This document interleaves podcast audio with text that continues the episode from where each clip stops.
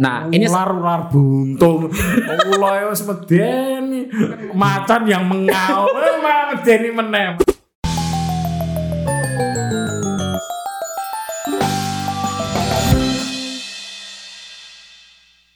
Halo, ketemu lagi dengan saya Petut EA Kepala Suku Mojo dan tamu kita hari ini adalah seorang intelektual muda yang pernah membuat geger dunia Islam sebetulnya ya. Beberapa tahun lalu ya Iya. Mas? Ya? berapa? Dua tahun lalu? lima tahun. Oh, kurang lima tahun. 2015 dulu ini waktu di TV kan kelihatan masih ganteng. Iya. Masih kurus. Sekarang ya kurus juga Mas Yasir Muhammad Arafat nah kebalik nggak Mas penyebutan nama kalau di FB itu pakai itu Yasir Muhammad Arafat Arafat. Yang benar di nama ijazah Muhammad Yasir Arafat Muhammad Yasir Arafat. Hmm. Eh, Mas Yasir ini kalau teman-teman ingat adalah eh, sosok yang pernah mengebohkan publik Indonesia Hmm. karena mengisi kiro Iya. Pembacaan Al-Quran dengan langgam Jawa. Iya. Nah karena waktunya sudah agak lama, Hmm. kita bisa memperbincangkan dengan lebih rileks lah. iya iya iya. Sehingga orang-orang yang dulu mungkin belum cukup punya waktu Hmm. untuk menggali, mengendapkan pikiran gitu ya. Iya. Karena situasi sosialnya kan dulu juga Panas. agak beda ya. Mm-mm. Karena pasca pemilu pasca pemilu, Iya, pasca pemilu kalau Hmm. nggak salah Presiden Jokowi baru dua tahun memerintah mungkin ya, baru setahun malah mas setahun ya. Hmm, 2014 kan Waduh, itu, itu 2015 panas-panasnya Ya, sehingga ya. mungkin apa pun yang dilakukan oleh pemerintah saat itu salah mungkin dianggap gampang sekali mem- memantik kesalahan ya gitu ya. ya. Nah, mari kita dengarkan sebetulnya apa sih Mas Hmm. eh, membaca Al-Qur'an dengan langgam Jawa. Oke. Jadi itu eh sekaligus ya juga ya itu sebenarnya temuan ketika saya menulis tesis tentang tradisi tilawah Al-Quran di Indonesia. Jadi saya nemukan itu di tengah-tengah masyarakat Jawa, simbah-simbah, sesepuh-sesepuh di kampung-kampung itu kalau baca itu ya kayak gitu itu kira-kira. Hmm. Cuma kalau ketika saya yang membaca itu sudah saya estetisasi ya, sudah saya Hmm. sudah saya sesuaikan dengan Harmonisasi. harmonisasi ya gitu ya. Nah, itu yang ketika saya wawancara dengan simbah-simbah itu beberapa orang selalu bilang biar simbahku kok yang ini ki. Itu mungkin mirip nggak sih dengan seperti yang sekarang kalau di Jogja? Saya kan masih sering mendengarkan Ya, ya. adzan pakai gaya Jawa. Iya, iya. Ada masih masih Iya kan masih sering kalau di Jogja masih, banyak banget Hmm, ya. hmm. Mirip kayak gitu nggak hukumnya?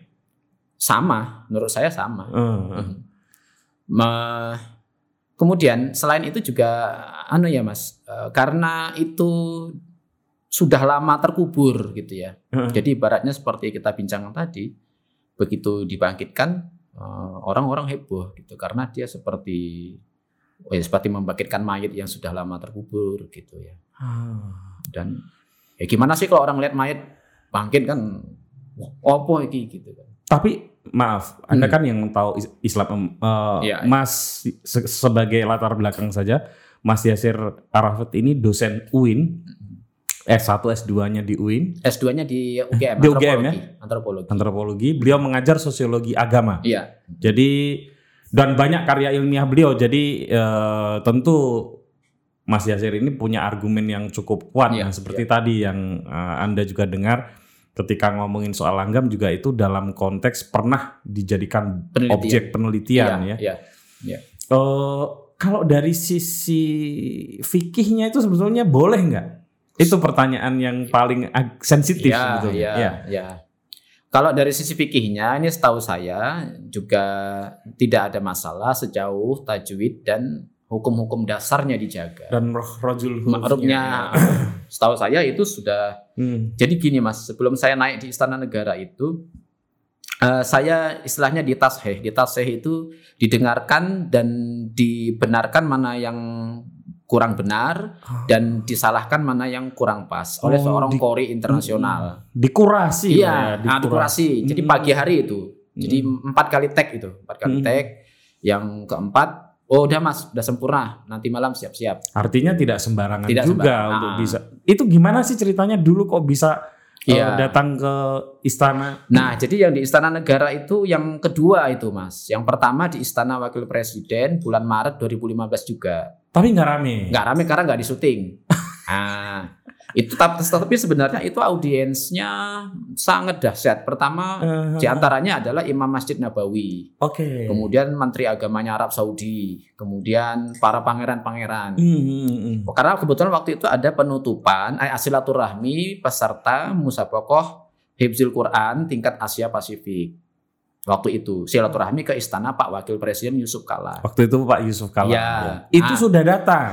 Itu sudah datang. Saya di- Oh. disuruh datang ke situ oleh Pak Menteri Agama waktu itu. Hmm, waktu itu Pak Menteri Agama Lukman, Pak Lukman. Pak Lukman Hmm. eh, Saifuddin. Ya, beliau bilang begini dengan yang saya tangkap dari para di di bawah-bawahnya ini ya. Saya ingin menampilkan satu model pembacaan Al-Qur'an khas kita gitu. Iya, dan Pak Lukman sendiri kan seorang alim juga Iya, ya, nggak sembarangan tentu Iya, saja. ah, ah. Iya, iya. akhirnya waktu itu katanya mencari-cari di mana ini ada yang bisa membaca ini gitu. Akhir Hmm. kontak sana kontak sini, akhirnya kontaklah ke Pak Nizar waktu itu Kemenak DIY. Iya. Pak Nizar kontak ke Mas Jadul. Mas Jadul Maula. Maula. Iya, iya. Kebetulan dua minggu sebelum ada permintaan itu, saya ngisi diskusi di Kaliopa, Mm-mm, pesantren Kaliopa. Kaliopa, ya. Mm. tentang eh, musik Al-Qur'an, eh musik dan Al-Qur'an. Gitu. Oh, di situ Jadi tema besarnya sebenarnya musik, musik, dan, Al-Quran. Al-Quran. Nah, Oke. saya datang ke Kaliopa ngisi diskusi di depan Mas Jadul dan para hadirin yang datang. Hmm. Di situlah saya bilang bahwa ini Al-Quran bisa dibaca tidak hanya dengan eh, yang seperti yang sekarang ini populer Hmm. dengan langgam-langgam khas eh, Persia, Hmm. khas Arab Saudi gitu. Tapi juga dengan Jawa yang saya temukan dengan eh, melalui penelitian itu tadi Ya, gitu. ya, ya, ya. Akhirnya saya contohkan. Nah setelah acara itu Mas Jadul minta kontak saya. Hmm. Entah bagaimana ceritanya. Dua minggu setelah itu saya dihubungi. Tapi Anda ini Gitu. sebenarnya peneliti atau juga praktisi? Sama Oh, dua-duanya. dua-duanya. Dua-duanya. Oke. Jadi saya meneliti itu juga tidak mungkin lah saya nggak tahu apa yang saya teliti. Gitu. Iya, iya, iya. iya, Dan iya. sejak anak-anak juga saya oleh orang tua saya memang diajarkan untuk melakukan melantunkan Al-Quran dengan langgam-langgam yang dari Arab tadi itu gitu. Ya Bayati, Soba, Hijaz, Nahawan, Hmm. Nah, Jaharka, Sika, Ros itu Hmm. saya belajar itu waktu Hmm. kecil dulu gitu. Cuma ketika sampai di sini saya temukan itu loh ini sampai suatu ketika saya dapat konfirmasi dari Habib Lutfi ketika ada acara apa eh, lomba sol festival salawat di UIN Iya. Nah, waktu mau penutupan Hmm. eh, Gus Ilham itu yang tukang solawatan juga Hmm. Il- gimana kok nanti malam baca Al-Qur'annya pakai Jawa gitu Itu sebelum Se- setelah itu Setelah. itu Oh, setelah oke. itu nah rupanya saya dapat konfirmasi dari panitia nanti saya kita- kata panitia itu nanti kita kontak abah dulu maksudnya kontak Habib Lutfi dulu Hmm. begitu abah dikontak dapat jawaban melalui WA katanya biyen wali songo yang ngono kuwi kata Habib Lutfi gitu Oke. jadi udah banyak yang konfirmasi yang saya temukan konfirmasi data begitu Ya, gitu. ya, ya. jadi dengan kata lain ini bukan mengada-ada dan bukan mencari sensasi gitu Betul. Karena saya ke sana. Ah, setelah ah, kembali lagi, kembali ke yang di Istana Wapres. Setelah saya tampil di situ, orang-orang dari Arab ini mengatakan, oh ternyata Al-Quran diterima di sini gitu. Hmm. Nah, akhirnya bulan Mei 2015 acara Isra Mi'raj, Pak Lukman ingin menampilkan ini sebagai gong untuk memulai menghidupkan pembacaan Al-Quran sebagaimana kebudayaan masing-masing di Indonesia. Biar masyarakat meluas, meluas. lebih tahu lagi. Ya. Padahal yang di eh, wak- kantor Hmm. wakil presiden nggak ada masalah. Nggak ada ya. masalah, nggak ada masalah. Termasuk majelis atau hadirin yang datang pun itu Iya. kan orang-orang hebat juga. Iya. ya. Nggak ada yang mempermasalahkan. Betul, betul, betul. Jadi, jadi ya gimana ya? Eh, mungkin karena waktu itu yang di Istana Negara itu mungkin karena sudah siarkan TVRI secara massal, nasional, live, bahkan internasional. Teman-teman gitu di Jerman, di Mesir itu ada yang kontak saya gitu. Nah, Wah selamat ya dari wong terkenal gitu. Saya bilang ya, wah dipisuhi wong akeh kok terkenal. Gitu. gitu. Akhirnya waktu itulah eh, itu eh, awalnya mau di mau dieksibisi eksibisikan gitu. Iya, iya, iya. Tapi ternyata setelah ada banyak gejolak itu ah, niat itu diurungkan oleh Kementerian Agama. Ya sudah. Dan waktu itu saya dikontak Mas sabar sabar saja ya, enggak masalah ya. Oh, saya enggak masalah. Saya Ah. gitu. Apa yang Anda pelajari dari situasi saat itu sehingga apa ya menimbulkan gejolak yang luar biasa itu?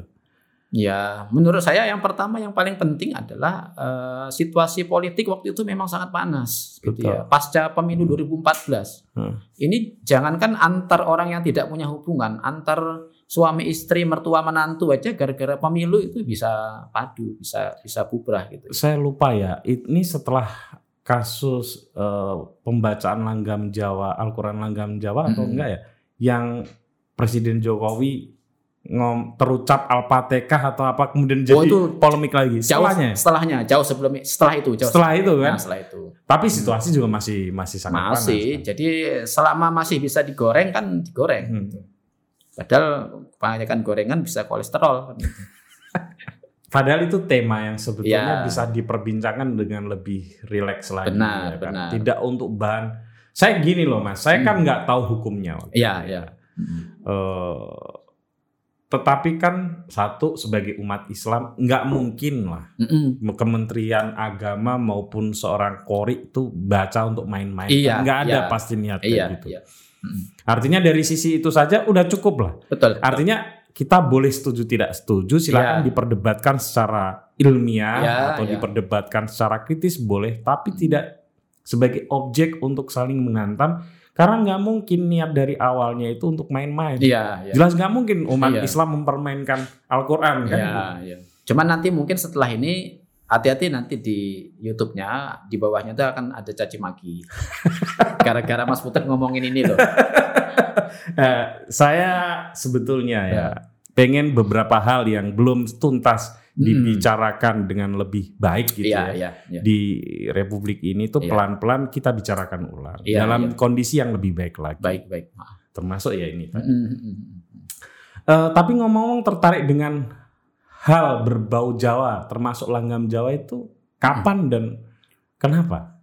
Jadi gini ya Mas, eh saya tuh mulai mengalami pembalikan perjalanan itu 2000 gempa itu 2006. Oh, Ya. apa itu pembalikan Pembalikannya tadinya saya tuh nggak peduli itu dengan hal-hal yang kayak gini-gini kebudayaan apa macam-macam. Tapi sudah UIN kan? Masih YIN. Masih ya, Ah, ya, ya, YIN. padahal. Ah, Itu ah. adiknya ya. Adiknya. Masuknya masih YIN. saya gitu-gitulah pokoknya. Wah ini wah mitos itu apa itu? Walah gak. Ini harus Oh masih yang sangat ilmiah Ah, ya. gitu-gitulah. Iya, iya, iya. Gitu. Bahkan kalau perlu Nabi Musa membelah laut itu harus kita pelajari ah. ilmu ah. perbintangannya Iya. gitu. harus ketemu argumennya Ya. gitu. Kalau Ah. sekarang cari tongkatnya. Iya, iya. Tongkatnya ning di sekolah ini. ada masa-masa gitu pasti ya. Ah. Iya, iya. Oke, oke. Ya. Di gempa, kebetulan waktu itu ya juga saya sudah merasa bahwa kehidupan saya tiga tahun kuliah nggak jelas itu. eh, saya sempat punya IP 0,00 ya dulu semester 3 nggak masuk sama Oh, sekali. artinya itu nggak masuk. Nggak masuk, Kalau kayak gitu. 0,00 itu jelas nggak ya, masuk. masuk. Kayak ikut ujian juga gitu kan. Dan tapi di situ saya juga mempertanyakan banyak hal, mempertanyakan banyak hal itu maksudnya ter- termasuk saya mempertanyakan silsilah leluhur saya itu siapa gitu. Hmm. Wah, ini penting gitu ternyata gitu. Mhm. 2006 tuh lah gempa bumi. Di situ saya mulai- baru mulai ketemu sama orang-orang aneh-aneh gitu ya. Iya. Aneh-aneh maksud saya yang selama ini nggak pernah ketemu gitu. Hmm. Oh, ternyata harus gitu toh. Ya udah. Gitu sekarang tak telusur-telusur gitu. Hmm. Telusur. Dan dari situ baru masuk ke wacan apa namanya ke menekuni kebudayaan gitu ya. Hmm. Hmm. Tetapi dulu ternyata begini Mas, waktu saya masih kecil itu kelas 2 SD ya kira-kira itu. Hmm. Di sekolah itu perpustakaan tuh dibuka, boleh pinjam buku. Hmm. Kalau boleh tahu Anda dari mana? Saya dilahirkan di Lang di kebun kacang, Heeh. Langkat, Sumatera Utara. Sumatera Utara. Iya, tempatnya orang-orang Jawa yang dulu masa-masa Belanda dulu dikirim jadi kuli kontrak ke Sumatera untuk jadi kuli perkebunan. Mbah-mbah saya tuh di situ, saya lahirkan di situ. Gitu. Dan di situ berbahasa Jawa ya. Bahasa Jawa. Puja Kesuma. Puja Kesuma. Putra Mm-mm. Jawa keturunan Sumatera. Kelahiran Sumatera. Eh kelahiran Sumatera. Ya, Itu banyak sekali dan Iya. rata-rata bisa berbahasa Jawa. betul, Hmm. betul. Nah, itu waktu saya kelas 2 SD itu eh, kan perpustakaan kan dibuka. Nah, aneh Mas, yang saya pinjam itu adalah Mahabharata dan Ramayana. Hmm. Jadi di situ saya tahu wayang gitu. Ya, ya. Padahal di sana tidak ada pamantasan wayang. Tapi anu rengeng-rengeng radio ada lah. Ada, ada orang radio dan nyanyi-nyanyi ala model mantos itu sudah masuk. Ah, ah, Masuk. ah. Di situ saya tahu ada nyanyi getuk. gitu. Ketuk, ya, Hmm. ya. Nah, di situ saya tahu ada nyanyi Yen Ing Tawang Ono Lintang gitu. Di Hmm. desa itulah situ. Hmm. Nah, SD itu saya pinjam buku yang saya pinjam Mahabharata dan Ramayana. Hmm. Dan ketika saya masuk Jogja 2001, nah kemudian kan bersentuhan dengan kayak gitu-gitu itu, walaupun saya sentuhannya waktu itu dalam rangka kebudayaan aja gitu. Ya. Oh berarti ini ceritanya gini gini gini gini ya gitu. Saya tinggal ngurutkan aja. Oh ini kok ketemu iki, iki. oh ini ketemu iki gitu. Ya. Nah itu hilang dengan tradisi ilmiah. Hmm. Maksudnya hilang tutup iya. tutup dengan tradisi ilmiah. Nah 2006 itu baru, wah ternyata nggak bisa nih dijawab pakai tradisi ilmiah. Gitu. Ya, ya itu dijawab dengan ya ke kuburan lagi. kuburan, ke candi, ke sendang, eh, ngikuti bubung beteng. Bubung beteng itu saya selalu ikut gitu. Nggak pakai sendal, kayak gitu lah. Maaf, nama Anda kan Muhammad Yasir Araf. Ya, ya. Artinya nggak sembarangan juga orang tua Anda loh. Nah, dulu lahir kata bapak saya tuh dikasih cuma Muhammad Yasir. Hmm. Cuma sama tetua di kampung kami itu Hmm. waktu itu saya kan 83 ya, Hmm. 83. Waktu itu lagi populer-populernya Yasir Arafat dari Palestina masuk di koran, di TV-TV Hmm. gitu. Walaupun waktu itu TV-nya saya ingat masih pakai baterai aki itu, pakai Ya, aki ya, hitam putih. Satu kampung nonton di situ gitu. Hmm. Di kampung saya begitu. Ya, ya, ya. Nah kata tetua tuh, tembok tambahin ah, tambahi wae nganggo Arafat. Ben sisan podo karo sing kae. Gitu. Sing kae. Ya, kayak maksudnya yang di Palestina itu gitu. Akhirnya saya ketimpa tulah sampai sekarang. Ya, ya, ya. Maksudnya ketimpa nama besar itu. nama besar itu. Aha. Sebenarnya ya tidak juga ya. Ya tapi ya kemiripan-kemiripan selalu ada gitu. Kemiripan. Maka di situlah eh, saya ketemu dengan kejawaan ketika masih anak-anak itu. Makanya saya mengistilahkan diri saya mualaf Jawa. Mualaf Jawa. Ya. Nah, mualaf Jawa itu justru curiosity-nya itu gede kan? Iya, Kalau Yes. orang mualaf itu kan gitu ya. iya, Hal yang baru, hal yang Hmm. magnetnya itu iya. Kalau kenceng gitu. dan mualaf itu kan biasanya merasa lebih beriman ketimbang yang sudah lama. kan. Anda kayaknya lebih Jawa dibanding saya. saya merasa. Jadi eh, mualaf gini ya mas. Itu ada pertanyaan juga mahasiswa kemarin nanya ke saya. Akhirnya saya membuat satu tulisan pendek di Facebook itu. Iya. Kenapa ya Pak? Mualaf itu merasa bahwa dia mendapat hidayah itu sesuatu yang sangat berharga gitu. Kita kita ini kok seperti mendewa-dewakan mereka, meng, apa mengidolakan mereka. Gitu. Mualaf yang masuk Islam maksud saya. Iya, iya. Seharusnya kita tuh malah berbangga dengan kita Islam sejak masih bayi gitu. Karena apa? Kita nggak minta hidayah iman dan Islam, tapi sudah dikasih. Tak bilang. Di satu Di sisi. satu sisi. Di satu sisi given Mm-mm. itu juga mungkin karena karena given jadi nggak pernah dipikirkan. Kan? Betul. Mm-mm. kalau mualaf kan termasuk mualaf Jawa. Iya iya. itu kan anu ya, mencari. Iya, proses pencariannya mencari. kan beda, Mm-mm. beda. Mm-mm. Mm. ya itu ya dari situ mas dari dari mencari mencari mencari mencari akhirnya ketemu oh gini itu. Oh ketemu ternyata kalau memahami Jawa itu nggak bisa lepas dari kebudayaan pesantren. Mm. Kebudayaan pesantren pun nanti agak lebih dikerucutkan lagi. Oh, nggak bisa lepas dari tasawufnya Wali Songo. Waduh, Gitu. udah mulai masuk ke tema yang agak berat. Ya, Ah. jadi dulu gitu ya. Ya, dulu ya, gitu. ya, ya. Sa- Sampai hari ini, oh, oh ternyata tasawufnya Wali Songo itu nggak seribet seperti yang dikatakan banyak orang itu. Gitu. Simpelnya saja. Simpel. Kenapa sering pergi ke kuburan? Mm-mm. Apa istilahnya itu kalau pergi ke tak eh, Ziarah. Ziarah. Ziarah dan pergi ke candi-candi. ya. Dan metodologi macam apa itu? Ah, metodologi pengetahuan macam apa itu? ya kalau itu jelas kalau antropologi itu kan observasi partisipasi ya. Ya. tapi saya tapi saya nggak ikut masuk partisipasi ke dalam kuburannya. Eh, partisipannya nggak kelihatan. Nah gini, saya ke makam-makam itu pertama ternyata saya baru juga ketemu ketemu dengan dengan istilah eh, bahwa itu namanya tedak sungging. Hmm. Tedak sungging itu artinya kita menelusuri diri kita sendiri lewat pertemuan-pertemuan dengan orang-orang yang sudah lebih dulu mengenal kebenaran gitu. Karena sudah nggak ada ke makamnya gitu. Oh gitu. Dan ke makamnya ngapain? Saya ngirim doa untuk Oke. mereka. Dan Hmm. saya ini juga sekalian yang kemumpung di anu ya. Mm. Saya dikira banyak orang itu ke makam-makam tuh klenek-klenek tuh loh Mas, cari pesugihan itu. Iya. Gitu. Padahal saya ke makam tuh ngirim doa untuk yang dimakamkan. Iya, iya. Sehingga sampai hari ini saya tidak pernah ketemu dengan demit-demit yang diperkirakan banyak orang itu. Itu saya datang situ, saya mendoakan tuh kadang saya betul-betul mendoakan orang ini supaya Iya. diampuni gitu. Nah, Itu- kalau kalau ke candi jadi gini Mas. Ternyata dalam perjalanannya untuk mengetahui si yang dimakamkan ini siapa, Mm-mm. eh, termasuk juga orang ini ketemu kebenarannya lewat jalan apa, itu ternyata kita cukup memahami dari nisan dan kijingnya. Karena ada artefak. Ada lambang-lambang yang perlu kita baca, Hmm. kita pahami, termasuk situasi sekitarnya, Hmm. cerita-cerita masyarakat tentang itu. Hmm. Dan itu tidak akan bisa lepas dari pengetahuan yang dibabarkan di candi-candi. Oke. Gitu. Saya kira kalau soal mendoakan orang meninggal dunia itu Mm. tidak ada khilaf lah ya. Iya. Itu semua mazhab sepertinya percaya. Iya. gitu. Cuman kan yang tidak atau kurang dipahami oleh sebagian kecil dari Iya. masyarakat kita adalah Mm.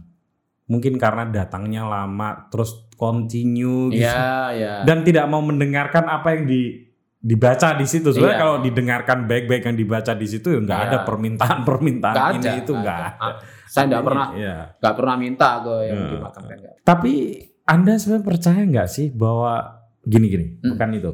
Eh, kenapa sih mesti harus datang ke kuburan? Kenapa nggak mendoakan setelah sholat atau apa gitu? Hmm. Artinya ada sesuatu dong di kuburan itu yang membuat Anda Hmm. mesti datang gitu. Iya, Kalau sekedar berdoa kan tidak tidak mesti harus di situ. Iya, benar. betul, betul. Gimana tuh? Itu anunya Mas, eh, proses laku kita. Hmm. Kita mau menjalani dan menelusuri kebenaran ini sejauh apa? Hmm. Mau menunggu di sini atau menjemput rahmat gitu. Hmm. Hmm. Menunggu di sini atau menjemput kebenaran gitu. Oke. Menunggu di sini tidak masalah, menjemput tidak masalah. Ah. Tetapi proses menunggu dan menjemput itu berbeda. beda. Beda.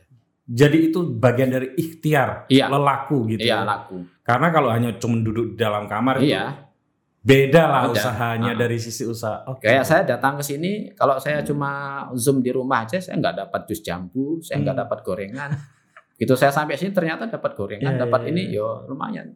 Gitu. Tapi Anda percaya nggak sih kalau di tempat-tempat tertentu Mm-mm. gitu, termasuk mungkin di kuburan, Mm-mm. eh, atmosfer kah atau frekuensi atau getaran Mm-mm. apa pun itu mungkin lebih peka.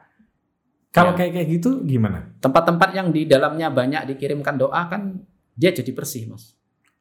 Gitu, masjid, gitu. Hmm. Eh, ya mall aja kalau kita banyak doa di situ jadi bersih kan. Maaf ya, Mm. saya bukan termasuk orang yang suka sekali ziarah. Iya, iya. Tapi saya pernah beberapa kali, Mm-mm, mm. bukan hanya beberapa ya pernah Iya, gitu ya. iya, iya. Dan memang beda. Mm. Saya tidak menemukan situasi yang angker, situasi Betul. yang menakutkan, Betul. situasi. Situasinya itu damai karena Iya. ada banyak orang berdoa. Iya, iya, iya. Terus mungkin karena sesama mungkin ada dari banyak orang dari tempat jauh ya. Jadi Mm-mm. musafir, sesama Iya, musafir itu betul. bertemu kan dalam situasi yang menyenangkan. Iya, iya. Gitu kan? Iya, iya.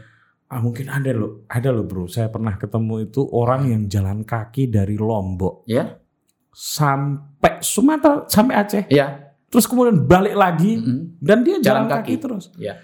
Nah kemudian beliau ini di Petila, saya nggak tahu karena ini perdebatan ya. Betul. Di Lasem, di, di Sunan Sun- Bonang. Iya. Nah, kan itu ada jadi perdebatan. Iya, ada yang iya. bilang bahwa makamnya ada di Tuban. Iya. Eh, saya kebetulan di situ ketemu orang ini dan sama anak kecil, anaknya gitu. Mm-mm. Mungkin umur 6 atau 7 tahun dan Hmm. setiap hari Jumat itu Dia ke situ.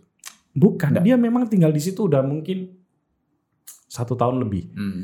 Dan itu sering kan. Ya. Di Jogja sini aja ada yang tiga tahun gitu ya. Ya, banyak, Kita ketemu, banyak. ya kan. Itu dasar-dasar loh. Iya. Nah, tapi kan bisa berbagi ilmu, Iya, berbagi iya. pengalaman. Saya sih lebih senang kayak Iya, gitu itu. Iya. Ketemu dengan para musafir. Iya. eh, dan mereka tuh punya pengalaman yang luar biasa. Bayangin orang dari Lombok jalan sekaki sampai ke Aceh dan itu kan bukan orang tidak berilmu. Iya, iya, iya. Mereka itu ilmu agamanya bagus lah. Iya, iya. Tapi berjalan dari Lombok ke Aceh dan balik lagi. Betul, kemudian. betul. Itu kan pengalamannya luar biasa. Iya, iya. Itu, itu yang menyenangkan lah Ah. bagi saya. Anda menemukan hal-hal seperti itu nggak? Sama, Mas. Yang Hmm. saya temukan adalah kejiwaan-kejiwaan dan peristiwa-peristiwa kemanusiaan aja gitu. Hmm. Dan kalau ada orang bilang itu tadi demit-demit macam-macam, saya tidak pernah ketemu sampai hari ini. Banyak yang nanya saya begitu, Pak pernah ketemu dengan ini nggak kalau ke makam. Ada lagi yang bilang aku ketemu nek makamku ya aku ketemu wong jubahan, jenggotan gede-gede. Nah, saya nggak pernah mas ketemu Iya, gitu iya. mas. Bener ini saya, Iya, iya. nggak pernah ketemu gitu. Hmm. Bahkan itu nanti secara ilmiah karena saya dituntut untuk di kampus tuntut untuk punya karya, akhirnya saya tulis menjadi satu paper gitu Hmm. tentang kuburan-kuburan itu. Dan saya membacanya tidak hanya secara kabudayan tapi secara ini nisannya dari zaman apa.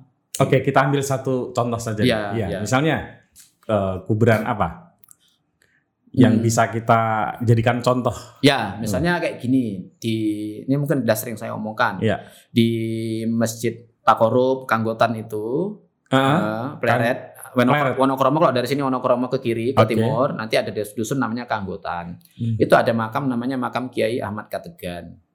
Kiai Ahmad Kategan itu ulamanya Sultan Agung yang dulu kalau kita pernah dengar cerita gurunya Sultan Agung kalau sholat ke Mekah, Hmm. nah beliau ini orangnya gitu. Oke. Dan itu di babat Sultan Agung cerita itu ada Hmm. bahwa beliau kalau sholat ke Mekah, kadang kalau Sultan Agung duluan, eh, beliau sampai sana, Sultan Agung kaget loh kok, anu sampingnya kok udah sampai sini gitu. Ah. Nah dulu kan ada cerita gitu Iya, masa iya, anak-anak itu Iya, pasti iya, ada iya, itu. Iya, iya, iya, iya. Nah, ketika sampai sana, kita lihat, oh, nisan kayak gini, berarti ini masa Sultan Agung. Hmm. Oh, kalau hiasannya gini, ini berarti ulama.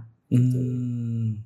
Oh, kalau ternyata hiasannya ada tambahan kayak gini, wah ini berarti ini ulama puncaknya, gitu. Ah.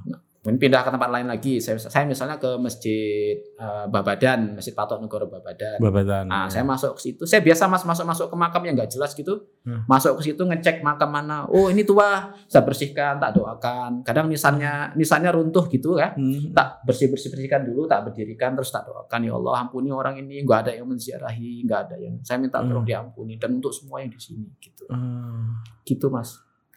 Itu malah saya ketemu dengan nisan-nisan yang memang tua-tua. Gitu. Hmm. Kayak yang di Masjid Mujahidin UNY itu. Hmm. Itu kan selatannya ada makam itu. Saya masuk aja ke situ. UNY. UN, N ya. UNY. UNY. Sebelah sebelah selatan pas Masjid UNY itu. saya nggak tahu ini anak UNY. nih. Ya ada tuh. Ah, ada. Namanya makam Setiobowo. Ini pengetahuan Saya masuk makamnya ensiklopedis. Saya masuk ke situ, cari mana yang tua di situ. Wes, nggak apa-apa yuk. Sa- Sambil saya doakan semuanya, saya jalan melusuri gitu. Wah, ketemu cuma nisannya tok, kijingnya udah habis gitu. Akhirnya saya bersihkan, saya berdirikan, tak doakan gitu. Minta tolong ampuni ya Allah ini beliau ini pasti nggak ada yang ziarahi, nggak ada yang mendoakan gitu. Dan semua yang di sini ya Allah, aku minta ini semuanya diampuni gitu. Karena eh, saya mikir sederhana saja. Apa sih nikmat yang paling diharapkan orang-orang mati itu adalah permohonan diampunkan Iya. gitu. Dan permohonan didoakan. Didoakan, Ya, gitu. Benar, Bro. Benar. Nah, itu yang sampai hari ini kalau ada orang tanya ke saya, pernah ketemu apa Pak? Tidak pernah gitu. Hmm. Sama sekali tidak pernah. Iya. Terus ada yang bilang kalau kita ke makam kita pulang-pulang kok kayak bener Pak, pukul-pukul di sini ya. Nah, saya juga nggak pernah ya gitu-gitu. Betul.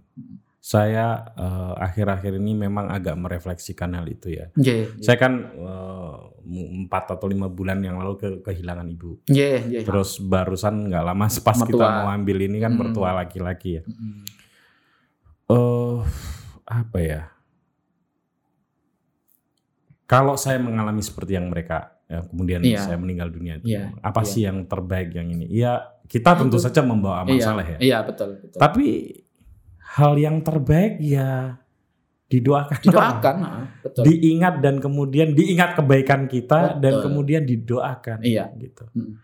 Makanya itu eh, agak apa ya? Secara logik itu agak masuk akal. eh, yang tidak terputus amalnya salah satunya adalah ilmu yang bermanfaat. Manfaat kan? itu. Mm. Iya.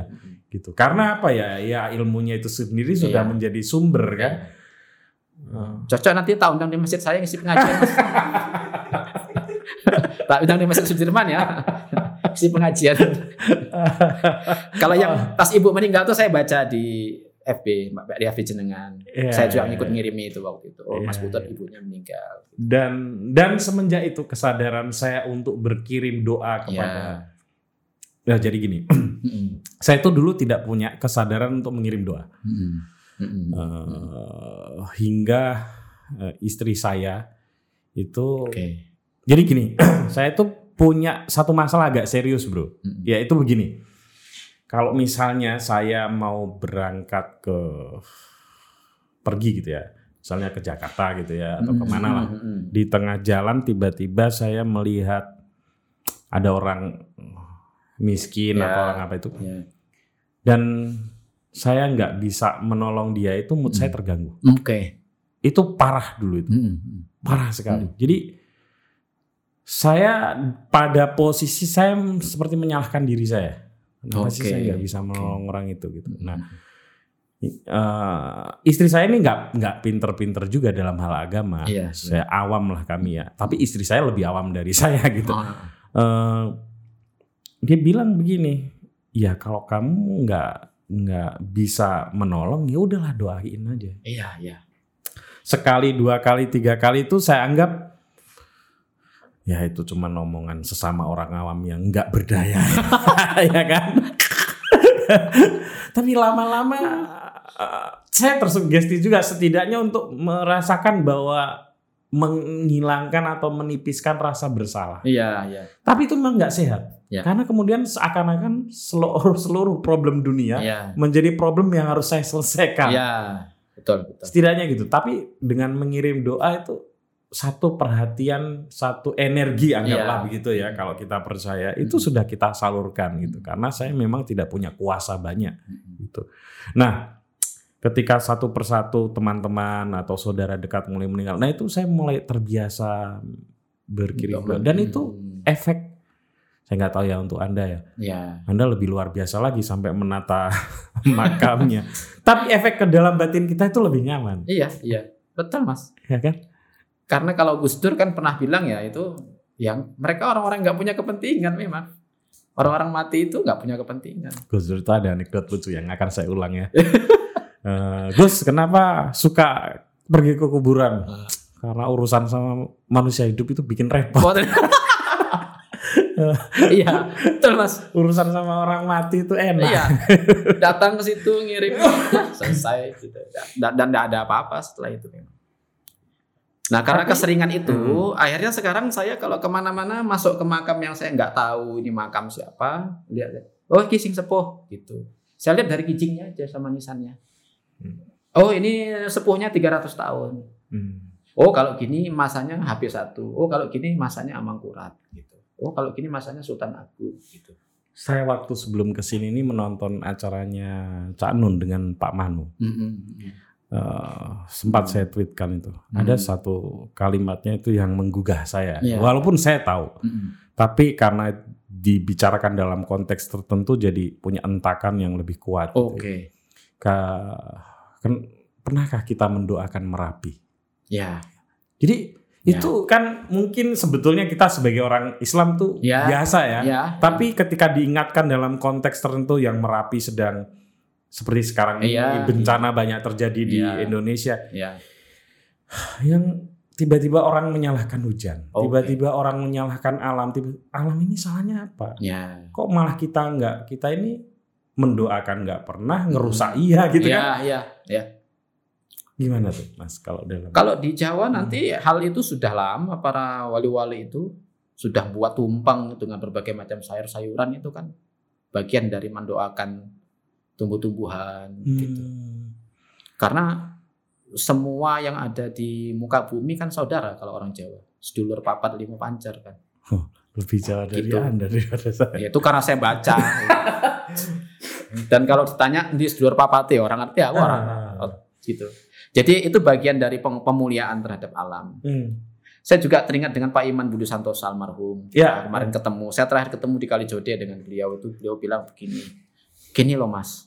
Kalau kita motong kambing eh, punya darah, ada doanya. Kita motong lembu, ada darahnya, kita ada doanya. Lah nek awak ya arep ngetok wit enek dongane ora. Hmm, Anda ditanya begitu. Gitu. Wah, di situ saya langsung ya Allah Pak Iman. Itu sesuatu yang nggak pernah saya sadari. Iya, iya, iya, iya. Ya. Akhirnya saya sekarang Kalau orang Jawa dulu ada, Bro? Ada. Ada.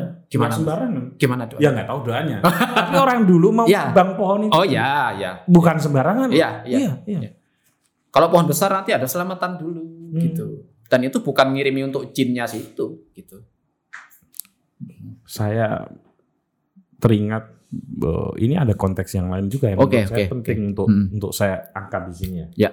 Monggo, monggo. Eh, apa? Kalau ini kan musim-musimnya yang syariah-syariah itu ya. Ya. Misalnya perusahaan ya, Ya. dianggap syariah gitu ya. Hmm. Kita terjebak dalam hal halal haram yang cukup dangkal, Bro. Hmm. Yang dianggap syariah itu misalnya tidak investasi ke minuman beralkohol. Hmm. Tapi perusahaan yang merusak alam itu dianggap syariah. Iya. Itu menurut saya pendangkalan atas Ya. atas cap syariah loh. Memangnya dosa maaf ya, Ya. minum alkohol dengan Merusak dosa alam. merusak alam merusak alam mungkin skala kerusakannya itu sangat masif dan mungkin nggak akan pulih selama ratusan Ya, tahun gitu. betul, betul. ya kan Hmm. nah kesadaran spiritual ekologis semacam itu tuh di dalam konteks kejawaan dan keislaman itu dapat tempat yang cukup nggak Yang setahu saya sejauh ini nggak pernah dibincangkan, Mas. hmm. Nggak dibincangkan. Dan gini, di dalam kejawaan keislaman di kita itu juga masih sebatas hanya etika. Etika. Jadi bukan gerakan. Hmm. Kalaupun gerakan itu satu dua tokoh yang mampu gerak begitu. Hmm. Dan nanti ujung-ujungnya ya tetap eh, perlawanan ya memang. Itu mungkin Gus Roy Murtado itu yang tahu-tahu kayak gitu. Kalau Ya. kalau saya memang nggak nggak begi- nggak begitu pernah bersinggungan dengan itu, tetapi sel- amatan saya sih sejauh ini masih etika-etika gitu. at least mendoakan alam, Iya. berbuat baik dengan alam, Alam. itu menjadi lelaku yang dulu pernah ada. Iya, Yang mungkin kalau mu- paling mudah di sini itu sebetulnya ada di Bali itu ya. iya. Hmm. Dan di Jawa juga begitu pada dasarnya. Dulu ya, waktu saya Hmm. masih kecil tuh misalnya apa ya, eh, yang disebut bersih desa. Iya, Itu kan membersihkan sendang, Mm, mm, mm, apa mm, sendangnya kita bersihkan, Betul, betul, betul. alam di sekitarnya kita rawat, Iya. gitu. Masih, ya. Cuman sekarang ya sebatas bancaan saja. Iya. Ya. Itu apa? Lelaku. tidak menjadi gerakan. praksisnya hilang. Iya. Hmm. Menjadi seremonial. Iya. Iya, iya. Nah, itu biasanya terkait dengan proses transfer maknanya. Jadi makna dari bacaan ini apa toh? Gitu. Mm. Kalau dulu di, di Jawa saya meneliti ya, eh, dulu biasanya pak kaum pak kaum itu kalau Hmm. ada acara genduren, merti desa itu Hmm. menceritakan iki sego tumpeng maksudnya iki iki iki. Kok ada lomboknya artinya ini, kok ada berambang artinya ini, Hah. kacang panjang artinya ini. Hmm. Sekarang pak kaum tidak lagi menerangkan itu. Mhm. Hmm. Kenapa sih proses transfer knowledge itu nggak ada? Karena gini ya, Hmm. kita ini yang di Jawa terutama Hmm. Hmm. agak beda ya menurut saya dengan Hmm. di saya nggak tahu kalau di kampung anda di Sumatera. Ya. Kalau misalnya saya ke Sulawesi, Maluku, Hmm. terutama Maluku Hmm. misalnya. Hmm. Ah, Bali jelas ya, Ya, masih jelas. ada ya yang Masih hidup namanya eh, merawat lingkungan sebagai satu spirit eh, bagian dari spiritualitas itu kelihatan Oke, betul di oke, situ ya. oke. Misalnya deh di berbagai adat ya, sasi misalnya di Mm-mm. di Maluku gitu ya, Mm-mm. Eh, alam harus di di didiamkan dulu, Iya, dijaga dulu, baru Mm-mm. nanti kelak sasi dibuka ketika dalam durasi tertentu gitu. Mm-mm. Nah, transfer-transfer seperti itu tuh masih ada dan masih lengkap gitu. Kenapa kalau di Jawa itu seolah hilang ya? Ya.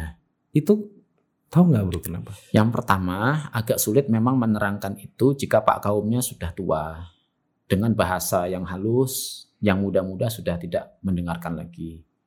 Yang kedua memang khazanah kebudayaan Islam Jawa ini kan memang lambang-lambang ya. Hmm. Jadi untuk ke arah sana tidak bisa langsung shortcut. Memang butuh pemahaman-pemahaman makna tingkat pertama, makna tingkat kedua. Hmm. Dan untuk zaman milenial ini tidak zamannya begitu. Gitu. Kemudian yang ketiga, nah sekarang kan eh, sudah banyak orang yang anu ya, yang merasa bahwa dia lebih otoritas ketimbang pak kaumnya Oh. gitu.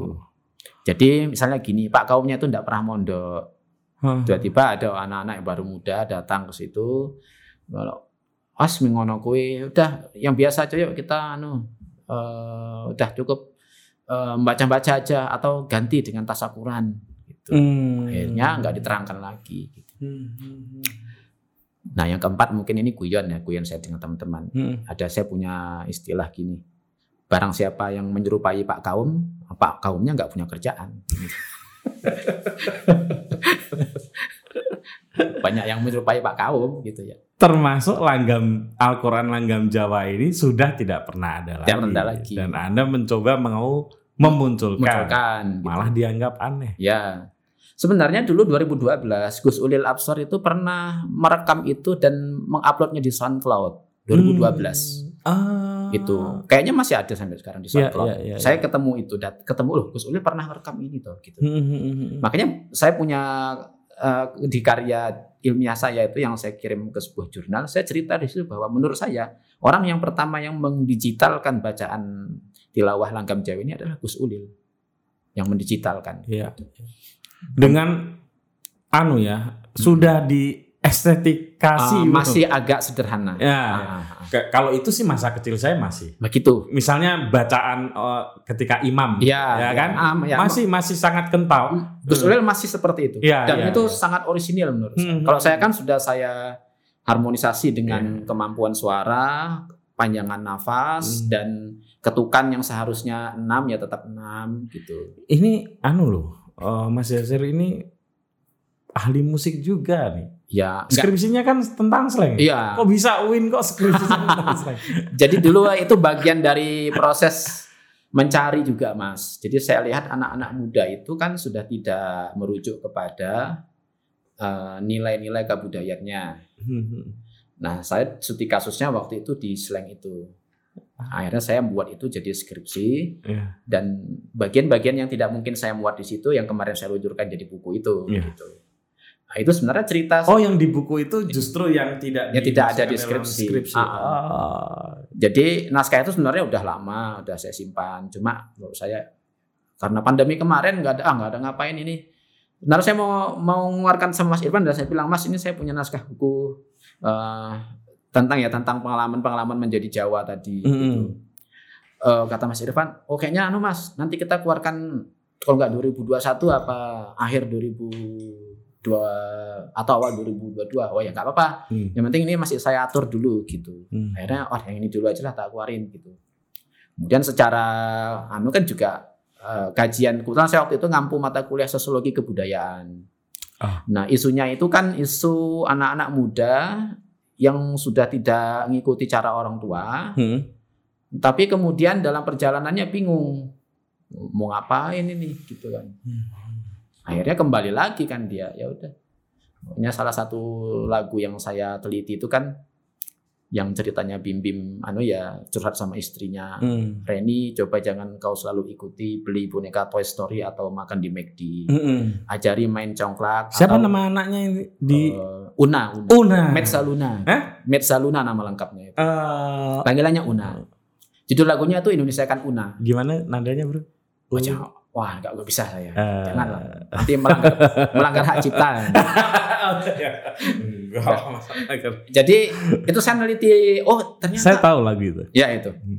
ternyata isi kayaknya pernah dimainkan I- di Itu lagu salah satu lagu yang saya suka. ya itu Hmm. Eh, jadi di situ kan saya lihat loh ini generasi yang dulu memberontak dengan American Style Hmm. dengan Ladies Night Tiba-tiba sudah tiba-tiba 2005 ajari main congklak atau makan di lesehan wah duh ini pergeseran besar dalam generasi kita sebagaimana Anda dulu mencoba Iya. merasionalkan iya sekarang itu tiba-tiba sering berkunjung ke kuburan. ah itu Iya kan? ya nggak tiba-tiba itu. Ya ya, Ah. ya. oke nggak tiba-tiba. akhirnya loh ternyata kayak gini akhirnya sekarang kembali gitu kembali Eh, akhirnya itu eh, membuka anu juga membuka data pada saya oh ternyata gen- akhir generasi generasi apa ya eh, ya hipisnya Indonesia cuma kayak gitu gitu eh, kelompok musik yang hadir dengan roh pembangkangan, ya rock and roll, Iya. bluesnya Iya, gitu ah, ya. ah, ah, ah. Tentu Anda ingat album-album betul pertama betul gitu ya. betul Tiba-tiba di tahun 2005 udah ngomong begitu sudah ngomong ke kembali ajari main congklak atau makan di lesehan gitu apa pelajaran dari situ? ya pelajarannya ya eh, mau kayak apa pun orang-orang Indonesia kalau nggak kembali ke akarnya nggak bisa Gitu. mau rock and roll kayak apa pun kalau nggak kembali ke nanti makan di lesehan itu kan simbol dari kebudayaan kita gitu ya makan di lesehan gitu ya susah ke- ketemu jalan pemecahan dari dirinya sendiri gitu Tapi kan setiap kebudayaan itu kaya ya dan punya kemampuan untuk melakukan penyerapan terhadap kebudayaan yang lain. iya Batik yang Anda kenakan iya ya kan? iya Tidak murni lokal jenuh Iya, dari iya. eh, pertemuan-pertemuan Ya. kebudayaan memang selalu ada. Nah, persoalannya adalah dengan Al-Qur'an yang sudah dibaca dan menjadi hal yang menyenangkan, menenteramkan itu, Mm-mm. kenapa sih mesti memunculkan lagi langgam Jawa? Ya. Bisa saja itu memang tidak kita butuhkan lagi. Ya, Gimana kalau dilihat dari sisi itu? ya. Eh, yang pertama, yang paling penting menurut saya begini, Eh, kita tidak butuh itu, tetapi itu sebagai hazanah butuh dijaga, gitu. Kenapa harus dijaga? Nah, bagian besar dari proses eh, anak-anak kita besok untuk melihat bagaimana perjalanan sejarah dia, gitu. Hmm. Jadi bahwa dulu pernah ada begitu. Dulunya lagi ya seperti itu. Hmm. Itu bagian besar dari perjalanan seorang anak besok. Hmm. Menurut saya begitu. Kalau sekiranya tidak ada lagi yang make, yang tidak ada masalah. Gitu. Eh, kadang kan ada pendapat yang begini, Hmm. satu tradisi yang sudah tidak dipakai lagi itu justru proses kurasi zaman, bahwa itu tidak diperlukan oleh manusia lagi. Iya. Bisa saja seperti itu. Bisa, bisa. Saya sih tidak mau menghakimi juga. Betul, betul. Apakah kemudian langgam Jawa ini mungkin dari sisi prosesinya kemudian tidak tersaring dan Hmm. oke nggak ada masalah kok kita kehilangan itu Hmm. gitu kan bisa saja Iya, seperti iya. itu. Dari sisi pendapat yang seperti ini ya. Hmm. Ya saya bisa bisa bilang ya gak ada masalah juga gitu. Dan karena saya memunculkan ini juga bukan bukan maksud saya terus saya mau tampil di depan publik. Itu Hmm. karena memang saya waktu itu disuruh disuruh dan di, di diperintahkan untuk eh, membacakan itu. Oh ya sudah gitu. Hmm. Tapi di sisi yang lain, saya pernah penelitian, bro. Ini Iya. menarik. Ya ya ya. Saya ini penelitian saya kesenian di daerah Tulungagung Hmm. bersama Mas eh, Mulyono, Oke. guru gambar ya seniman yang Ya. rajin datang ke daerah-daerah. Hmm, hmm. Eh, jadi waktu itu saya menemukan ini penelitian kecil lah, Oke. apa. Oke. Tapi menarik. Misalnya begini, waktu di daerah Tulungagung di salah satu daerah di Tulungagung itu ada warok kan. Ya, ya. Jadi eh, di desa tersebut itu dulunya, ya, jadi yang meneliti ini partisipatoris, Ya. warga desa juga, Ya, ya, Eh, ya. kita Ya. eh, berkolaborasi Ah. kan. Dulu itu ada 14 atau 15 persisnya saya lupa. Ya. Sebelum memainkan itu itu ada apa ya semacam sesajen atau apa pun Hmm. yang diambil dari tumbuh-tumbuhan dan bunga di situ. Ya. Dan kemudian ketika zaman berganti itu tinggal 4 atau 5. Artinya Hmm. ada perbedaan antara yang dulu dengan sekarang. Ya. Oke, kalau dari sisi teori tadi itu pendapat seperti tadi itu nggak ada masalah. Ya. Karena oke zaman sudah memproses itu dan nggak ada masalah. Iya. Tapi ketika ada diteliti lebih dalam lagi, ternyata Hmm. bunga dan daun itu sudah nggak ada lagi Ya. atau setidaknya sulit ditemukan, Betul. betul. sehingga menjadi pragmatisme aja. Ya. Padahal itu membawa dampak ekologis. Ternyata kalau kita mau teliti lebih dalam lagi, Iya. oh ini nggak ada, oh karena ada tambang di Ya. sana, ada per- jadi nggak semata-mata kok nggak ada begitu saja. Oke zaman Hmm. sudah memprosesnya lalu Baik, ada baik. masalah. Betul. Itu gitu kan? Ya. Nah memang nanti segala hal yang anu ya Mas, yang eh, kalau dalam istilah antropologi yang lokal-lokal itu memang dia punya hubungan jejaring yang kuat dengan kenyataan kesal keseluruhan. Hmm. Kalau dalam bahasa yang agak berat itu namanya kosmos ya. Hmm. Ya. Oke. Kalau dalam bahasa Hasanah Jawa nanti namanya wahyu Ah. gitu. Wahyu. Dan memang tumbuhan-tumbuhan yang dibuat untuk upacara-upacara itu nggak sekedar milih asal-asal. Benar.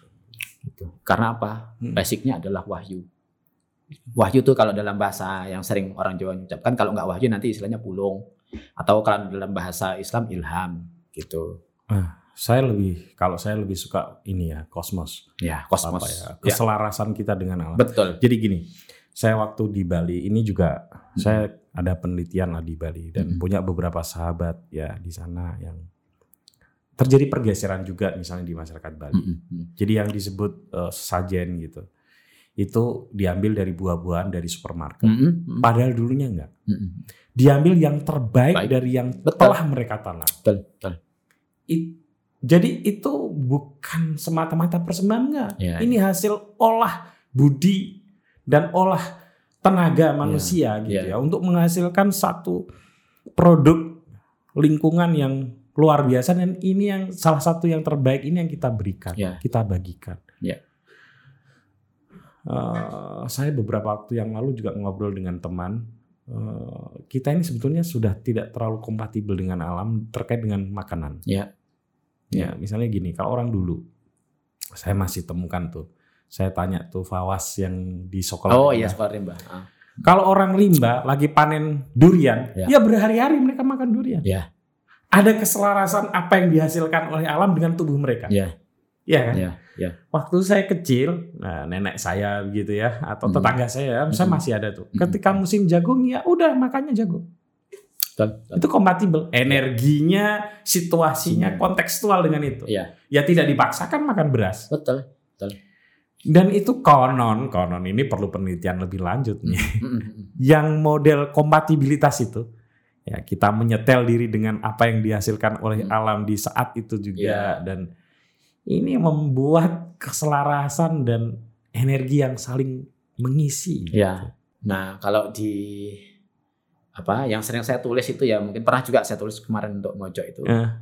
Itu kan nanti berhubungan dengan bagaimana si manusia Indonesia ini, manusia Jawa ini Hmm. kita kerucutkan jadi manusia Jawa menjaga keselarasan dengan triloka, Triloka, Ah, dunia atas, dunia tengah dan dunia bawah. kayak mirip konsep Atman ya. Ya, itu konsep kuno Hmm. yang terus-menerus diwarisi oleh setiap peradaban. Hmm, Gitu. Oke, oke. Kalau dalam Al-Quran nanti eh, cerita tentang Nabi Sulaiman yang punya pasukan langit, burung-burung, Ah. pasukannya sendiri dan pasukan jin. Kan tiga alam. Itu di seluruh peradaban sebelum datangnya agama-agama memang begitu. Memang begitu. Gitu. Membaginya begitu. Membaginya. Hmm, hmm. Maka nanti kalau di Jawa nanti setahu saya namanya beberayan ageng. Kita bersaudara dengan makhluk langit, kita bersaudara dengan makhluk yang di dalam tanah, cacing, kutu-kutu, termasuk makhluk-makhluk sebelah gitu. Itu saudara semua. Makanya kalau ada acara kenduri itu semuanya mereka diundang. Nyata dan gaib suruh datang. Bener bro. Benar. Yang nyata dikasih sedekah makanan, daging-dagingnya yang sudah tadi dipotong. Hmm. Yang gaib itu nanti dikasih sedekah tulang, dikubur di belakang rumah, digali. Ini sedekah Oh, untuk Anda yang iya. gaib-gaib gitu. Dan Saya- itu bukan sirik. Dan bukan enggak, kita enggak minta tolong ke mereka, justru Benar. kita ngasih Kita rahmat. memberi. Kita Iya. ngasih rahmat dari acara yang penuh doa ini supaya Iya. mereka juga merasakan rahmat ini gitu. Hmm. Konsepnya begitu. Ya, Inilah yang ya kalau nggak mau ya mungkin semoga ya Ya, mungkin acara ini akan menimbulkan polemik tapi saya ikhlas ya artinya orang harus belajar mendengar iya, iya, Iya. iya. orang kan bilang syirik di kuburan ya dengerin dulu dong Iya, iya. lihat dong mereka datang ke sana itu ngapain Iya, iya. kalau didengerin doanya nggak ada itu minta-minta ke Iya, iya. orang mati ya Mm. orang Islam juga orang waras kok masa minta sama orang mati Ya kayak gitu Mas yang sering terjadi ya itu. ya bahwa di sana sini bu Ada lah pasti ya, Ada. ya yang gitu. Yang gitu-gitu ada. Tapi kan mungkin kecil lah menurut saya. Iya kan? Jadi saya pernah ini saya punya pengalaman ziarah ke sebuah makam, sebuah desa di daerah Klaten, teman saya itu. Nah, saya ke situ sama seorang kawan yang saya baru tahu bahwa dia di situ bisa berhubungan dengan dunia sebelah. Kawan saya itu, saya baru tahu. Hmm. Waktu itu, Hmm. ketika saya baca doa selesai, selesai acara dia bilang, "Mbah, Mas, itu tadi simbahnya duduk di situ nangis." Waduh, medeni ngono cerita. Oh, ah, nangis kenapa? Karena dia senang datang kita ngirim doa. Selama ini kalau orang datang ke sini tuh minta-minta nomor. Nah, saya ndak penting yang dia lihat itu entah. Kalau dalam mana nanti ada klasifikasi ya mas, ada, Iya, iya, ada iya, korin, ada iya. kodam, mas monggo lah itu. Iya, iya. Saya selama ke kuburan ndak penting bagi saya itu. Ah. Tapi ketika teman saya ngomong kayak gitu, oh ya, udah saya ambil yang baik gitu. Oke, ya mudah-mudahan kedatangan kita tadi menambahkan ampunan untuk simbah yang kita ziarahi ini. gitu. Kasihan banget ya kalau dimintain. Nah itu ternyata menurut orang-orang yang Tapi memang banyak sih orangnya. Banyak. menurut orang-orang yang memang bisa kayak gitu-gitu, katanya memang orang-orang mereka simbah-simbah para leluhur sepuh-sepuh di kuburan yang kita ketika dia dimintai itu, katanya mereka menderita kalau diminta-minta. Kata mereka, saya enggak tahu. Pertanyaannya adalah lalu siapa yang ngasih nomor? Tapi itu mungkin tidak terjadi kalau dengan wali-wali besar ya. Nggak berani lah orang minta nomor ke jeng eh, Sunan Kudus ada, gitu. ada. Ada. Hmm, Nah, justru kalau kalau misalnya ada eh, ya. ada, ada. Jangan kurang ajar. Nah, karena karena tahu wali besar jadi pasti nggak marah kan itu. Oh gitu. tak pikir kalau saya takut. Nggak. Walah, Jadi gini, Mas. Kalau di Jawa itu nanti ada istilah eh, adami ya. Makanya periman-periman itu kan istilahnya atas sadur ada makna. Ah, Ada makna itu maksudnya untuk orang-orang umum yang masih belajar wudhu, belajar sholat, itu memang kalau kayak gitu-gitu memang dibiarkan. Gitu. Nanti suatu ketika dia akan mengalami satu fase di mana dia nggak adami lagi, dia naik tingkat. Adami istilahnya. Adam, adam makanya istilah adam makna itu. Ada makna itu Ah, apa? ada makna itu maksudnya makna untuk adami. Adami itu orang-orang biasa kebanyakan kayak kita, orang Oh, awam. awam. Ah, ah. Hmm. Itu nanti makanya di desa-desa Oke. ada masjid utama dan ada langgar yang masih belajar wudhu, masih sholat be- begitu Allah Akbar pikirannya masih ke mana-mana, itu nggak boleh sholat di masjid utama. Makanya masjid utama itu kecil-kecil, masjid kampung-kampung itu. Oh gitu. Mm, Saya nah, baru tahu itu. mereka belajarnya di langgar. Oh, kalau saya kecil belajar di langgar. Nah, di langgar itu saya nanti dia belajar bab bersuci, bab Ah. wudhu, bab Ah. sholat, sampai suatu ketika dia mengalami perjalanan-perjalanan dan yang sepuh-sepuh sudah nggak ada, barulah dia masuk ke masjid utama jadi pemimpin di situ, gitu. Konsepnya dulu begitu. Hmm. Nah, kemudian datanglah orang-orang Londo ini, wah yang di langgar ini yang abangan, Hmm, hmm, hmm. gitu. Ya. Tapi nggak itu terlalu jauh ya menurut Ya, saya. ya, ya. Tapi saya ketemunya, oh ternyata gitu konsepnya, gitu. Makanya banyak langgar di kampung-kampung, masjidnya satu, tapi langgarnya banyak. Hmm. Itulah adami-adami tadi orang-orang biasa-biasa tadi yang kira-kira kalau ke makam masih memang punya kepentingan kepentingan duniawi gitu. Hmm. Dan itu tidak masalah, tidak masalah. Hmm. Perlu didampingi orang begitu gitu. Didampingi Ya. artinya kamu minta kepada Allah melalui ziarah ke sini karena perjalananmu sampai sini itu kan usahamu untuk meminta kepada Allah gitu. Oke, terakhir ya. Ya, ya. Eh, petualangan, ha, Mm-mm. anggaplah gitulah. Iya. Maaf kalau keliru apa kata-katanya. Hmm. Petualangan mencari makam mana yang paling menarik yang pernah dialami? Gimana ya Mas ya? Mencari makam menarik gitu ya. Iya, kan itu dia Oh, Anda biasanya datang sudah tahu ya ini makam siapa gitu ya. Oh, kalau makam siapa-siapanya saya lebih banyak. Apalagi makam yang kuburannya saya masuki sembarangan itu tadi. Iya, iya, iya, itu maksud saya. Oh, itu ya. Oh, Nah, gitu. Dan menemukan siapa gitu maksudnya. Oke. Itu yang menarik itu. Eh, ada di daerah Jalan Piungan Prambanan itu namanya karena itu baru-baru ini ya. Mungkin suatu kita ada pengalaman lain lagi. gitu. Mm-mm. Ada makam namanya makam Potro Jayan. Saya masuk aja lah ke situ naik motor. Terus saya sampai ada ibu-ibu, saya tanya, "Bu, nun sewu nggih niki sih. Nun ingkang dipun sariaken teng mriki paling sepuh sinten nggih?" Eh, paling sepuh sapa ya, Mas? Hmm. Ah, nun sewu. Menawi kat napa? Acara nyadran itu yang disadrani siapa gitu saya bilang. Ah. Oh, ya biasanya nek nyadrani piyambak-piyambak Mas, kali simbahi piyambak-piyambak Ah. gitu. Oh itu metodenya gitu ya? Oh, lagi Nuwun sewu, nek kula nelusur angsal mboten. Kira monggo. Akhirnya saya telusuri dari arah utara atau mana lah gitu. Pokoknya saya jalan nyisir seluruh makam dari ujung ke ujung gitu sampai suatu ketika. Tapi di situ saya memang minta pada Allah ya Allah, kalau nyuwun dipun pituduhaken, saya minta tolong ditunjukkan mana makam yang sepuh di sini gitu. Hmm. Nah, tak sambil saya ngirimin doa untuk semua yang di situ. Saya keliling. Biasanya saya ngirimnya doa cuma baca sholawat. Yang paling singkat itu sholawat yang paling saya suka karena paling singkat itu. Sallallahu ala Muhammad. Nah, keliling. Rupanya sampai di suatu tempat yang di situ saya lihat kok rumput-rumputan. Rumput-rumputan itu ketika saya kaji ternyata itu kalau di Jawa namanya oyot-oyot. Oke. Gitu. Eh, bukan oyot, orok-orok. Hah? Orok-orok. Orok-orok nama nama ini. Nama, Nama tanamannya? tanamannya. Oke. Orang Jawa bilang orok-orok. Kalau dalam bahasa ilmiahnya ada, tapi saya lupa. Nah, saya biasanya nusur sampai ke situ. Hah, Tanaman apa, bahasa biologinya apa, ini nama tempatnya apa, sampai kayak gitu? gitu. Artinya apa, Ah, terus sampai lambang-lambang di makam artinya apa, gitu. Oke. Saya lihat loh, ini kok banyak tawon ngumpul di sini, gitu. Tawon. Tawon. Ya. Ah, apa? Bramoro, Ya, tawon ngumpul. Ngumpul. Rumah ya. tawon. Ah. Hmm. Tawon, dia nggak buat rumah, tapi dia menghisap sari dari orok-orok ini tadi. Oke. Dah, saya ke situ, tak buka rumputnya. Hmm. Lah, ada makam tertutup rumput ini gitu. Habis itu saya bersihkan, tapi rumputnya nggak saya cabut, cuma saya pinggir-pinggirkan karena tawonnya kan masih ngisap sari di situ. Ya, Bagi saya ya Anda saya nggak mau mengganggu nggak lah ya. mengganggu. Ini hak mereka untuk ngisap Hmm, sari. hmm. Udah lihat misalnya, oh ini tua. Dah, saya bersihkan, saya kirim doa. Minta mohon ampun untuk ini gitu.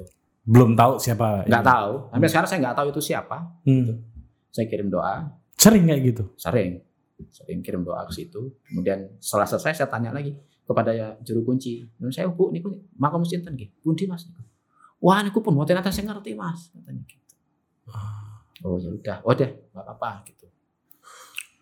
Nah rupanya Sotika saya posting itu di medsos di Facebook makam itu. Hmm. ada yang komen teman saya dari Gorontalo. Hmm. Pak itu Pak makamnya saya lihat orangnya menangis Pak. Waduh, justru yang sering kayak gitu kawan-kawan saya. Saya enggak pernah mas kayak gitu-gitu. Enggak, maksud saya yang bil- nangis sekarang enggak pernah ada yang ziarahi pak katanya gitu. Ketika bapak ke situ dia sangat senang katanya. Gitu. Nah, itu urusan pribadi lah. Saya nggak mau urus itu. Iya. Yang penting saya datang ke situ saya doakan. Gitu. Dan saya saya nggak tahu itu siapa, tapi saya tahu itu perempuan karena dari lambang-lambang di nisannya saya lihat eh, ini lambang keperempuanan gitu. Termasuk makamnya nggak terlalu panjang. Oh ini kayak gini biasanya perempuan gitu. Ah. Oh kalau batunya gini ini dari tahun segini gitu.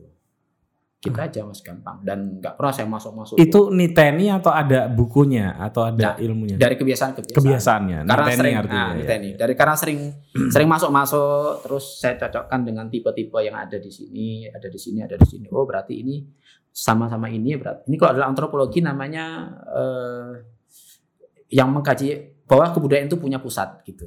Hmm. gitu. Apalah istilahnya lupa saya. Oh ini kalau dibandingkan sama ini, oh ini berarti tahun segini. Ya. Gitu.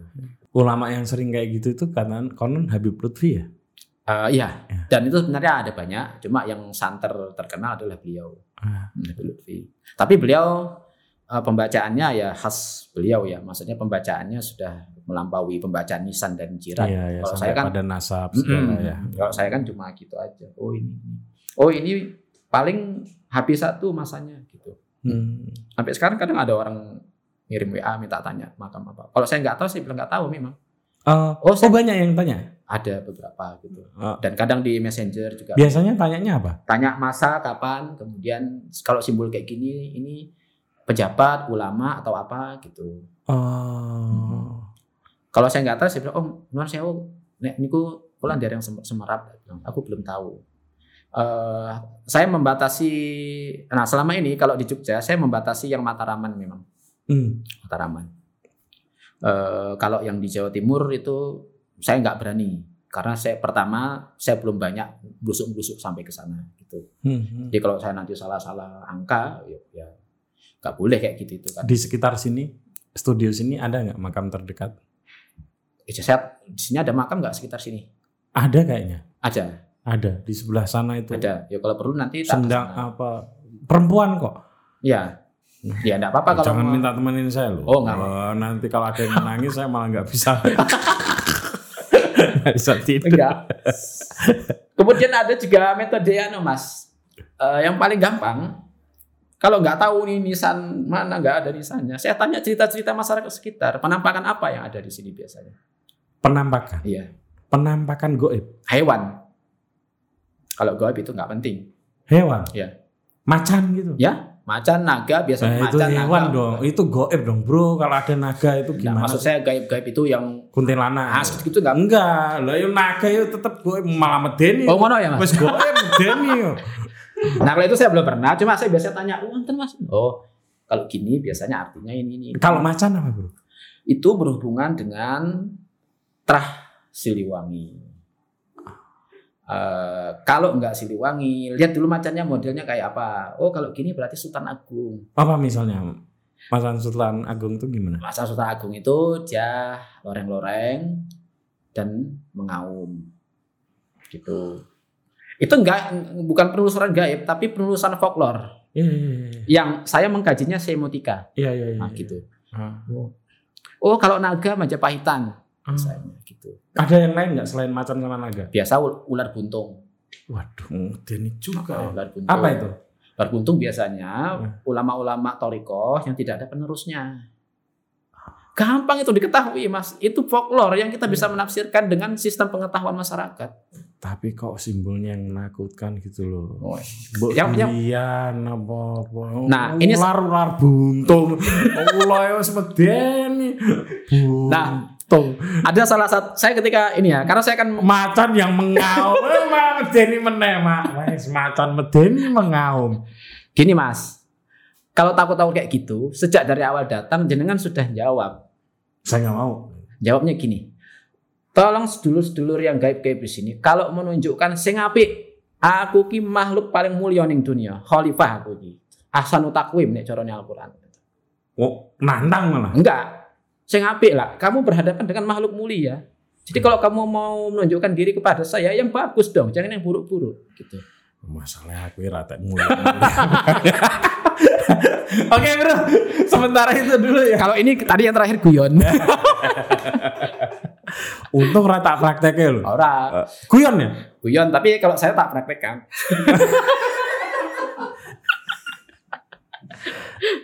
gitu. Eh, masuk rumah gitu saya saya datang sini nggak ganggu nuwun sewu mau tinggal sini monggo nggak apa-apa. Cuma saya kasih syarat jangan ganggu anak saya jangan ganggu istri saya. Kalau saya ada sholawatan ikut. Karena besok kamu di akhirat ditanya kamu dulu di dunia ngamalnya apa. Sama oke. Gitu ya? Pede ya? Ya pede om mati kanjeng nabi kok. Oh gitu ya agak-agak lucu sih sebenarnya ya ya ya ya ya oke ya oke gitu dulu ya baik ya. baik baik Ya, sip, ya. sip. Sip, sip, sip. Terima kasih banyak. Nanti lain kali kita ya eh, melakukan penelusuran ke makam-makam. Asal jangan ketemu simbol-simbol yang menakutkan. Enggak, enggak. Ya. insya Allah enggak Kalaupun ada sudah ada yang ini, sudah ada yang akan me, apa ya, menawarkan. menawarkan supaya enggak gitu ya Ya, melakukan tawar menawar. Jangan jangan jangan Ah, diperlihatkan. kalau itu anu teman-temannya sana itu kalau saya enggak gitu kalau Enggak ya? Oke. Oke. Terima kasih teman-teman. Sampai ketemu lagi dengan tamu saya selanjutnya. ya.